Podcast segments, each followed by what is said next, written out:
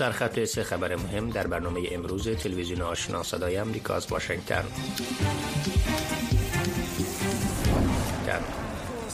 وزیران خارجه زن در حاشیه کنفرانس سروزه امنیتی مونیخ آلمان محدودیت های اعمال شده بر زنان افغانستان را به شدت محکوم کرده و خواهان بازگشت حضور زنان به بیشه کار در سازمان های کمک رسانی شدند.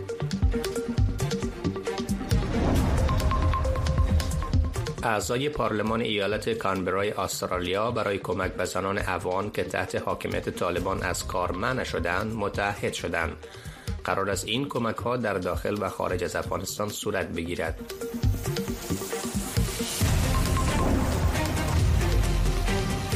و انتونی بلنکن وزیر خارجه ایالات متحده امریکا به وانگی وزیر خارجه چین هشدار داد که اقدام غیر مسئولانه بیجینگ مبنی بر ارسال بالون های جاسوسی به حریم هوایی امریکا نباید تکرار شود.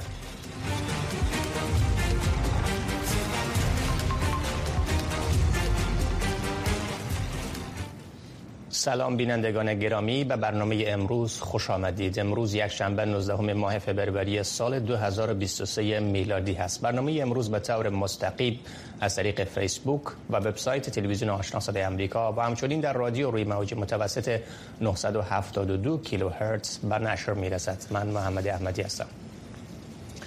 وزیران خارجه زن در حاشیه کنفرانس سروزه امنیتی مونیخ آلمان محدودیت های اعمال شده را بر زنان در افغانستان به شدت محکوم کرده و خواهان بازگشت حضور زنان به ویژه کار آنها در سازمان های کمک رسانی شدند. در بیانیه که از طرف وزیران خارجه زن ده کشور به امضا رسیده است گفته شده که تنها در جایی که زنان در امنیت باشند همه مسئول هستند. نه تنها در ایران نه تنها در افغانستان بلکه در سراسر جهان.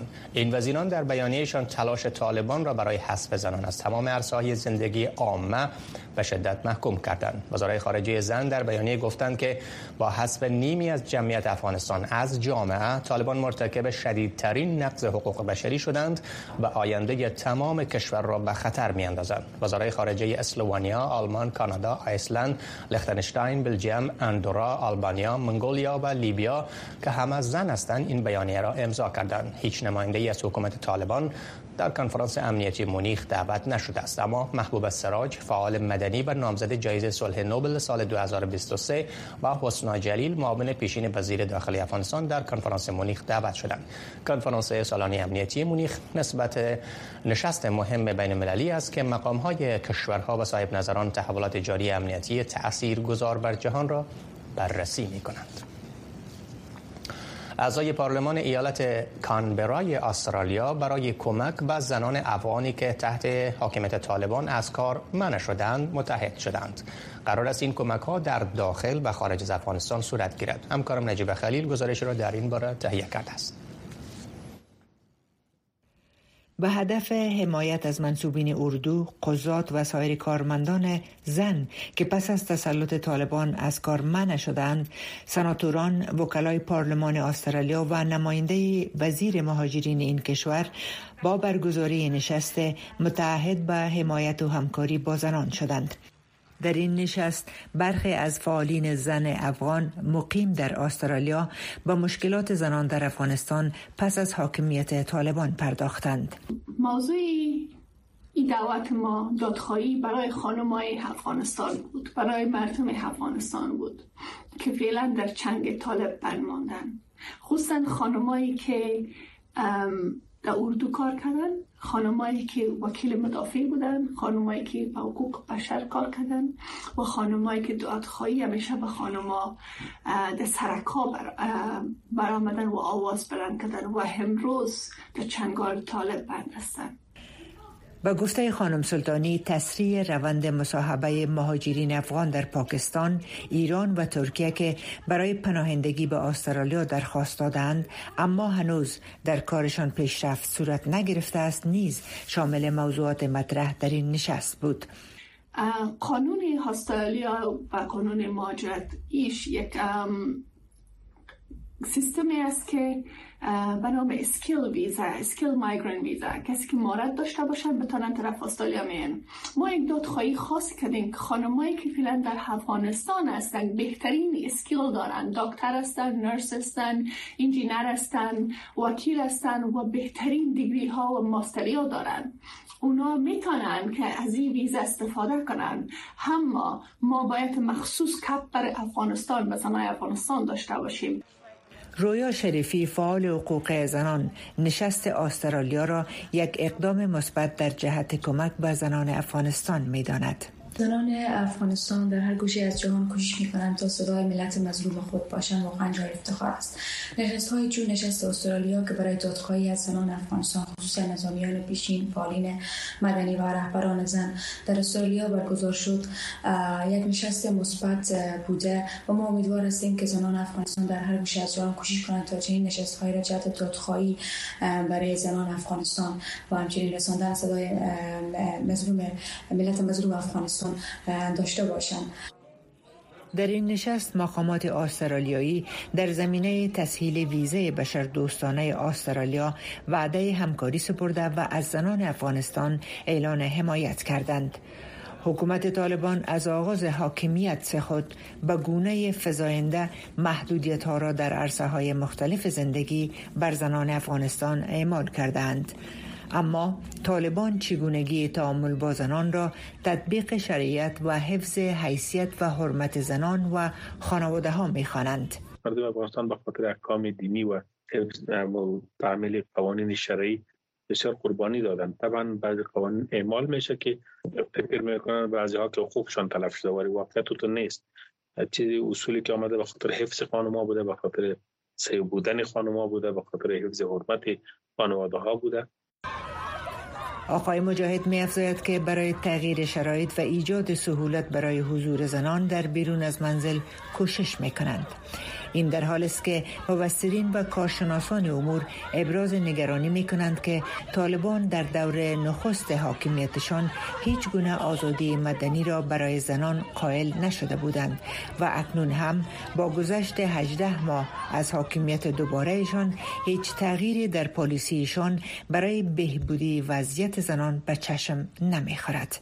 نجیب خلیل تلویزیون آشنا صدای امریکا واشنگتن وزیر خارجه پاکستان روز شنبه در حاشیه کنفرانس امنیتی مونیخ آلمان گفت که جبهه مقاومت ملی افغانستان هیچ تهدیدی برای طالبان نیست و تاکید کرد که داعش تهدید جدی برای این گروه است. بلاول بوتو زرداری وزیر خارجه پاکستان در حاشیه کنفرانس مونیخ گفت که هیچ مقاومتی در برابر طالبان که تهدید جدی برای آنها باشد وجود ندارد. وزیر خارجه پاکستان همچنین تاکید کرد که تصور نادرستی در غرب وجود دارد که جبهه مقاومت ملی به رهبری احمد مسعود بار دیگر تجدید حیات می کند و افسود که چنین چیزی رخ نمی‌دهد. بلابل بوتو زرداری در حاشیه کنفرانس امنیتی مونیخ تاکید کرد که گروه دولت اسلامی یا داعش بزرگترین تهدید برای طالبان است. و افزود بزرگترین تهدید و جنبشی که در حال حاضر در مقابل طالبان هست داعش است. در همین حال سبقت الله احمدی سخنگوی جبهه مقاومت ملی افغانستان به رهبری احمد مسعود در توییت جداگانه به اظهارات زرداری واکنش نشان داده است. احمدی در پیام توییت خود نوشته است که بسیار عجیب است. زمانی که گروه زن ستیز و آدم کش طالبان هوای حضور در پاکستان را در سر و پرورانند برای دولت این کشور پدیده زشت و تروریستی است. اما وزیر خارجه همان کشور که دولت کشورش حتی تحمل شنیدن نام گروه طالبان یعنی تی تی پی در پاکستان را ندارد ادامه اشغال افغانستان توسط این گروه تروریستی را قانونی می‌داند. مقامات طالبان تا حال در مورد اظهارات وزیر خارجه پاکستان تبصره نکرده است اما در گذشته حضور داعش را در آن کشور رد کردند. معاونت اقتصادی ریاست الوزرای حکومت طالبان اعلام کرده است که کمیسیون اقتصادی طالبان تصمیم گرفته است که دو پایگاه قبلی ایالات متحده و ناتو را در افغانستان به زونهای اقتصادی خاص به صورت آزمایشی تبدیل کنند. دفتر ملا عبدالغنی برادر معاون ریاست الوزرای طالبان در رشته توییت هایی نوشته است که وزارت صنایع و تجارت طالبان باید به تدریج کنترل پایگاه های نظامی باقی مانده نیروهای خارجی را جهت تبدیل کردن آنها به زون اقتصادی خاص خاص به دست بگیرد. طبق این اعلام طالبان عملیات آزمایشی تنها در ولایات بلخ و کابل آغاز خواهد شد. طبق این بیانیه طالبان یک مطالعه انجام خواهد شد و نتایج آن با کمیسیون اقتصادی طالبان در جلسه بعدی ارائه خواهد شد. اکنون برای بررسی دلایل و چگونگی عملی شدن این اقدام طالبان با آقای آزرخش حافظی تحلیلگر مسائل اقتصادی مقیم آلمان صحبت می‌کنیم. سلام آقای حافظی گرامی روزتان بخیر. به نظر شما چرا طالبان ایده تبدیل کردن این پایگاه های نظامی سابق نیروی خارجی را به زون اقتصادی در سر دارند هدف اساسی گروه از این کار چی است؟ سلام بر شما همکاران گرامیتان و همچنان بینندگان گران قدر تلویزیون آشنا صدای امریکا قبلا هم وقتی که نیروهای ایالات متحده امریکا و متحدینشان تعدادشان کاهش یافت در شورابک هلمند و در بعض مناطق دیگه از ولایت بلخ تصمیم گرفته شده بود دولت قبلی که گویا یه زونای اقتصادی می زون اقتصادی البته اما به جای نرسیده. زون اقتصادی یا به فری پورتا بسیار ضرور است به کشورهایی که با وجود منطقه‌ای زیاد دارند. و عمدتا به خاطر اکسپورت است که مثلا یک منطقه آزاد مثلا در دوبای یا ابوظبی و در دیگر کشورها وجود داره یا در هنگ کنگ و در همچنان در سنگاپور یا که مال دیگر کشورها را که اونجا میارن باز از اونجا ایره به دیگر کشورها را اکسپورت می‌کنن بدون از یک تشریفات گمرکی و مو زیای وقتی که از لحاظ قانونی به اموال وارداتی صورت می‌گیره در صورت نمی‌گیره و مال از اونجا میایه و به جای دیگه با منفعت خود متشبسین اونجا صورت می‌گیره. حکومت قبلی هم بیان نکرده بود که این زونا را با چی مواصفات می‌سازن و چرا می‌سازن و منفعت از به افغانستان چی است؟ اگر منظور از هم free port باشه free port خو همی است که در اونجا جنس برای export تجمع می‌کنه و با آسانی باز به کشور سومی صادر میشه. آیا در شرایطی که اعتماد قابل توجهی به سرمایه گذاری داخلی و خارجی در افغانستان تحت حاکمیت طالبان که مشروعیت نداره وجود نداره ایجاد زون اقتصادی در چنین اماکنی چقدر ممکن و عملی هست؟ در واقع چقدر ممکن است که یک کار زیربنایی صورت بگیره؟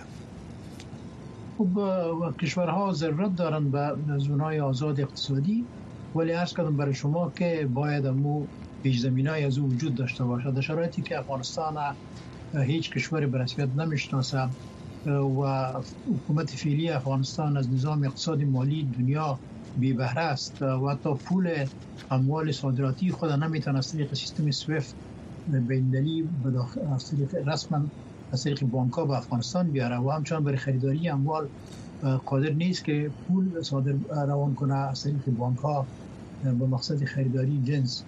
و مجبور میشه که از سیستم های انانوی حواله و خدمات پولی دیگه استفاده بکنه. که بسیار گران است و سریع هم نیست. بنان مشکلات و معانی بسیار زیاد است اما مهمترین گپ همی است که اگر برای سر صدا و برای باید که ما هم کاری انجام میتیم گپ وایده است اما اگر کار و اساسی است. باید یا برنامه کاری خود بگن که این زونا رو به چی مقصد می‌سازن و ظرفیتش چقدر است. و آیا سکتور خصوصی هم دعوت می‌کنن سرمایه گذاری کنه یا نه یک تشبس دولتی است. بله. در این باید به صورت شفاف موضوع خود بیان بله. آقای حافظی پایگاه نظامی یک زیرساخت خاص خود را داره برای مقاصد خاص. حالا ما میایم این پایگاه را تبدیل می‌کنیم به یک زون اقتصادی بر هدفی که باشه هنوز مشخص نیست. آیا چنین چیزی ممکن هست؟ آیا چنین چیزی تبدیل میشه به یک زون اقتصادی؟ خب اصلا اگر بگرام ببینیم بگرام یک پایگاه هوایی نظامی بوده. هم از سالهای 50 و حتی 45 میلادی و بعد بعد جنگ جنگی دوم این پایگاه نظامی بود و پایگاه نظامی هوایی بود. رنوی داره مثلا بارکای وجود داره که میشه رو باعث گدام استفاده کنن. ولی سوال پیش میاد که آیا دفاع افغانستان کاملا مطمئن است و دیگر نیازی به دفاع هوایی نیست و افغانستان ضرورت به نیروی هوایی بر دفاع از تمامیت ارزی و قلمرو خود نداره؟ به تصمیم گرفته میشه که یک پایگاه مهمی را که یکی از مهمترین پایگاه نظامی افغانستان است گیر به زون اقتصادی تبدیل می‌کنن مطابق شما فرمودین زون اقتصادی یک معنای دیگه داره و پایگاه نظامی یک چیز دیگه است. برای تعدیل از او امیر باید روشن کنند که از کدام کارشیو استفاده می‌کنن چطور تعدیل می‌کنن چطور آماده می‌سازن برای استفاده غیر نظامی و اقتصادی. تشکر از شما آقای آزرق شافزی تحلیلگر مثال اقتصادی مقیم آلمان که در بحث امشب دیدگاه خود را مطرح کردن. روزتان بخیر. باش تشکر. سلامت باشید.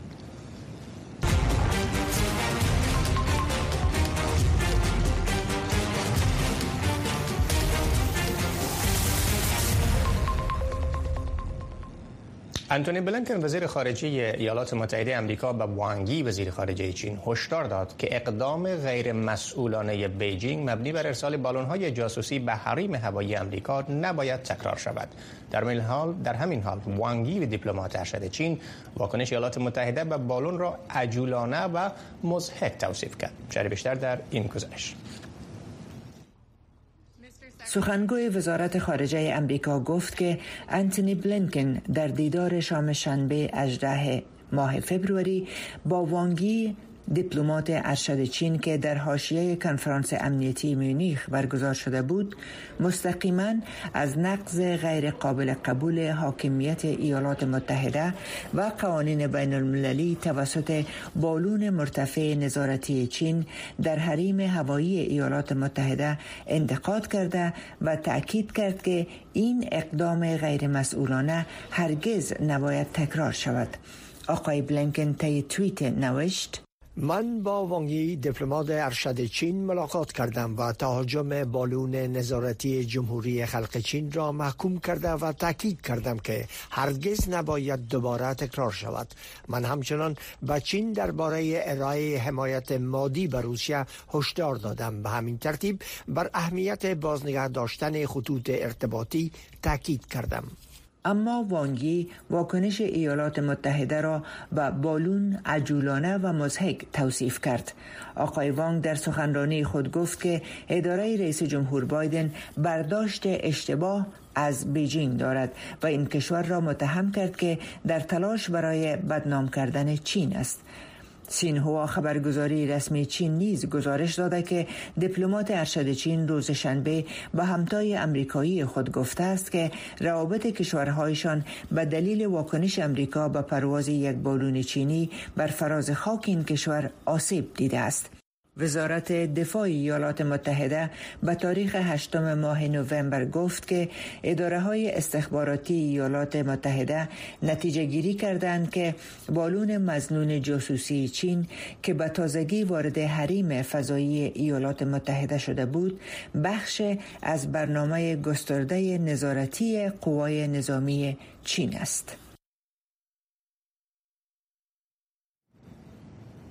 تلویزیون دولتی KRT کره شمالی یک ویدیو را از پرتاب آزمایش یک میزایل بالستیک بین القاره هواسونگ 15 امروز پخش کرد. این برتاب بعد از هشدار آن کشور به پاسخ قوی به تمرینات نظامی آینده کره جنوبی و ایالات متحده می باشد. این رسانه دولتی پیونگیانگ گفته است که کره شمالی این میزایل بین القاره را روز شنبه در یک پرتاب ناگهانی اجرا کرد. که آمادگی ضد حمله سیار و قوی این کشور علیه نیروهای متخاصم نشان می دهد میزایل بالستیک کره شمالی و برنامه های سلاح هسته آن کشور توسط قطعنامه شورای امنیت سازمان ملل متحد من است. اما پیونگیانگ می‌گوید توسعه سلاح آن کشور برای مقابله با پالیسی های خصمانه واشنگتن و متحدین آن ضروری است. یک راکت اسرائیلی امروز یک شنبه بر یک ساختمان در منطقه مرکزی کفرسوسای شهر دمشق سوریه اصابت کرد که به گفته مقامات و شاهدان عینی در اثر آن پنج تن کشته شدند این منطقه یک مجتمع مسکونی تحت تدابیر شدید امنیتی است که نزدیک به تأسیسات ایرانی موقعیت دارد. این هدفگیری کم نظیر با راکت به چندین ساختمان آسیب رسانده و چندین ساختمان چندین طبقه امنیتی نزدیک ساحات مسکونی را آسیب رسانده است. یک مقام پلیس به رسانه دولتی سوریه گفته است که این حمله چندین نفر تلفات و زخمی در پی داشته است. یک سخنگوی اردوی اسرائیل از اظهار نظر در این باره خودداری کرد.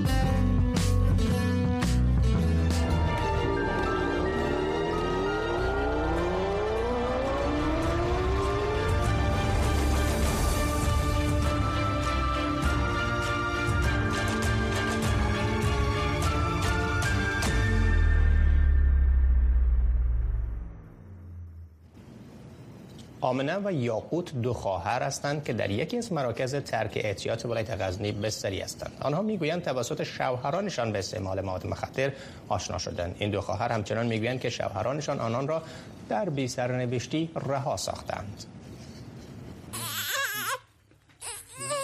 آمنه یک تن از معتادان در ولایت غزنی می‌گوید که از سوی شوهر خود معتاد به مواد مخدر شده است. او همچنان ادعا می کند که شوهرش در قبال خانواده بی احساس شده و او را در بی سرنوشتی رها ساخته است. شوهر من معتاد بود. وقتی که ما او می گفتم که عمل ترک کو او به ما می گفت که ما عمل ترک نمی‌تونم شما رو ترک می‌تونم دیگه گپ ما رو گوش وقت تصمیم ازیر نداره که ترک کنه عمله. حاضر است خانواده خود از دست بیده و عمل نه. خانواده ای ندارم که اونا از ما با خبر باشه. اونا از خودشان خبر نداره. پدر دارم مادر دارم که اونا از دست پای خودش مانده خودشان مال یک چیزی با است در جایی که زندگی منم در یک گپای یک زندگی مشکلات سراسر هستن امی قومی خدای پاک یا رازش بیده خیر بیده امی بود که مرجم کرد دیگه شوهر من نمی‌خواه مگر رو می‌خواستم ما دوباره چیز نمی‌شد ما می‌خوایم امی دو تا بچه خود یک حق مادر بودن بخشش ادا کنم یاقوت خواهر آمن است. داستان زندگی او نیز همانند خواهرش است. یاقوت هم ادعا می کند که توسط شوهر خود به استعمال مواد مخدر آشنا شده است. اکنون هر دو خواهر به همکاری یک تن از اقوام خود به این مرکز ترکیتیات خصوصی منتقل شدند. اول متوجه نبودم دیگه. کم کم دندونم درد می‌کرد شوهر گفت بیا یک دم شب بکشه دوا بکشه متو عملی کرد سه تا فرزند دارم من میشن درس میشه که پیدا شده دست پیدا شده دیرانه پیدا شده مسئول این مرکز ترک اعتیاد می‌گوید معتادان در این مرکز مراحل مختلف را برای صحتیاب شدن سپری می‌کنند. با کمک مسافدان قومشان که اومدن به ما اینجا پیشنهاد دادن و ما این مسئولیت قبول کردیم. رفتیم اینا را جمع آوری کردیم آوردیم فعلا اینجا تحت بستر هستن حدود 5 و 6 روز میشن که تحت درمان هسته. به گفته جامعه شناسان عدم آشنایی افراد با مشخصات مواد مخدر و پیامدهای استعمال آن یکی از علتهای رواوری آنان به این پدیده است. این دلیلش چیه؟ عدم آگاهی است. چون شخص اول آگاهی نداشت به پیامدهای شوم و خطرناک استفاده از مواد مخدر لذا در نهایت در دام مواد مخدر قرار می‌گیرد.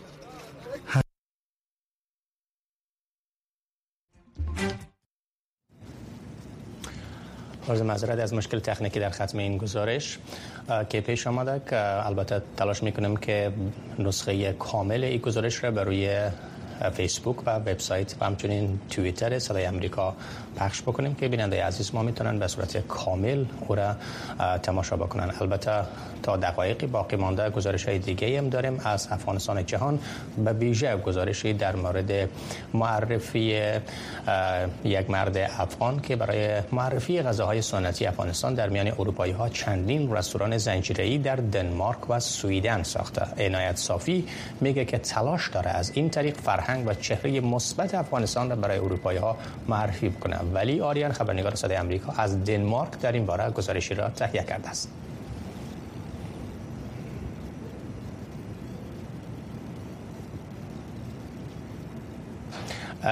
بله این گزارش ظاهرا که در استودیو هست اما آماده نشر نیست. تلاش می‌کنیم که همکاران تحقیق اشاره می‌کنن که در حال تهیه کردن هست. و البته یادآور میشم که بیننده های گرامی تمامی نشرات تلویزیون آشنا صدای آمریکا و ویژه خبرهایی که در این برنامه تلویزیونی نشر می‌شد و سایر خبرهای بیشتر بر روی فیسبوک و وبسایت دری صدای آمریکا به آدرس دری voa.com و همچنین بر روی اینستاگرام و توییتر نشر میشه البته یادآور میشم در برنامه های رادیویی که موضوعات روز به بحث گرفته میشه و خبرها و گزارش ها همراه با مهمانان و صدای شما بیننده های و شنونده های گرامی نشر میشه. در برنامه های مثل صدای شما و یا موضوعات روز از طریق فیسبوک و وبسایت هم به صورت مستقیم نشر میشه و بعد از اوی برنامه ها بر وبسایت قرار داره. شما می‌تونید موضوعات مورد نظر خود را اونجا دنبال بکنین و استفاده بکنین. البته برنامه امروز در نیم ساعتی که نشر شد موضوعات مختلفی را راجع به افغانستان داشتیم و در سرخط خبرها مهمتر اظهارات وزیر خارجه پاکستان بود که گفته بود که جبهه مقاومت ملی هیچ گونه تهدیدی برای افغانستان برای طالبان یعنی مقاومت را محرز نمی‌کنه بلکه تهدید جدی تهدید جدی در افغانستان داعش هست. حالا برمیگردم به معرفی و نشر گزارشی که در مورد فعالیت یک مرد افغان که مالک رستوران های سنتی افغانستان در اروپا هست. با هم می‌بینیم گزارش. شام پرجنب و جوش در قلب کوپنهاگن در شمال اروپا. طعم خوش غذاهای سنتی افغانستان و هند جمع یاران را در هوای سرد بارانی دنمارک لطف گرم بخشیده است. مهمانان بیشتر دنمارکی ها و برخی نیز از سویدن و آلمان هستند. انتونی از آلمان در همسایگی دنمارک با یارانش به این رستوران آمده است.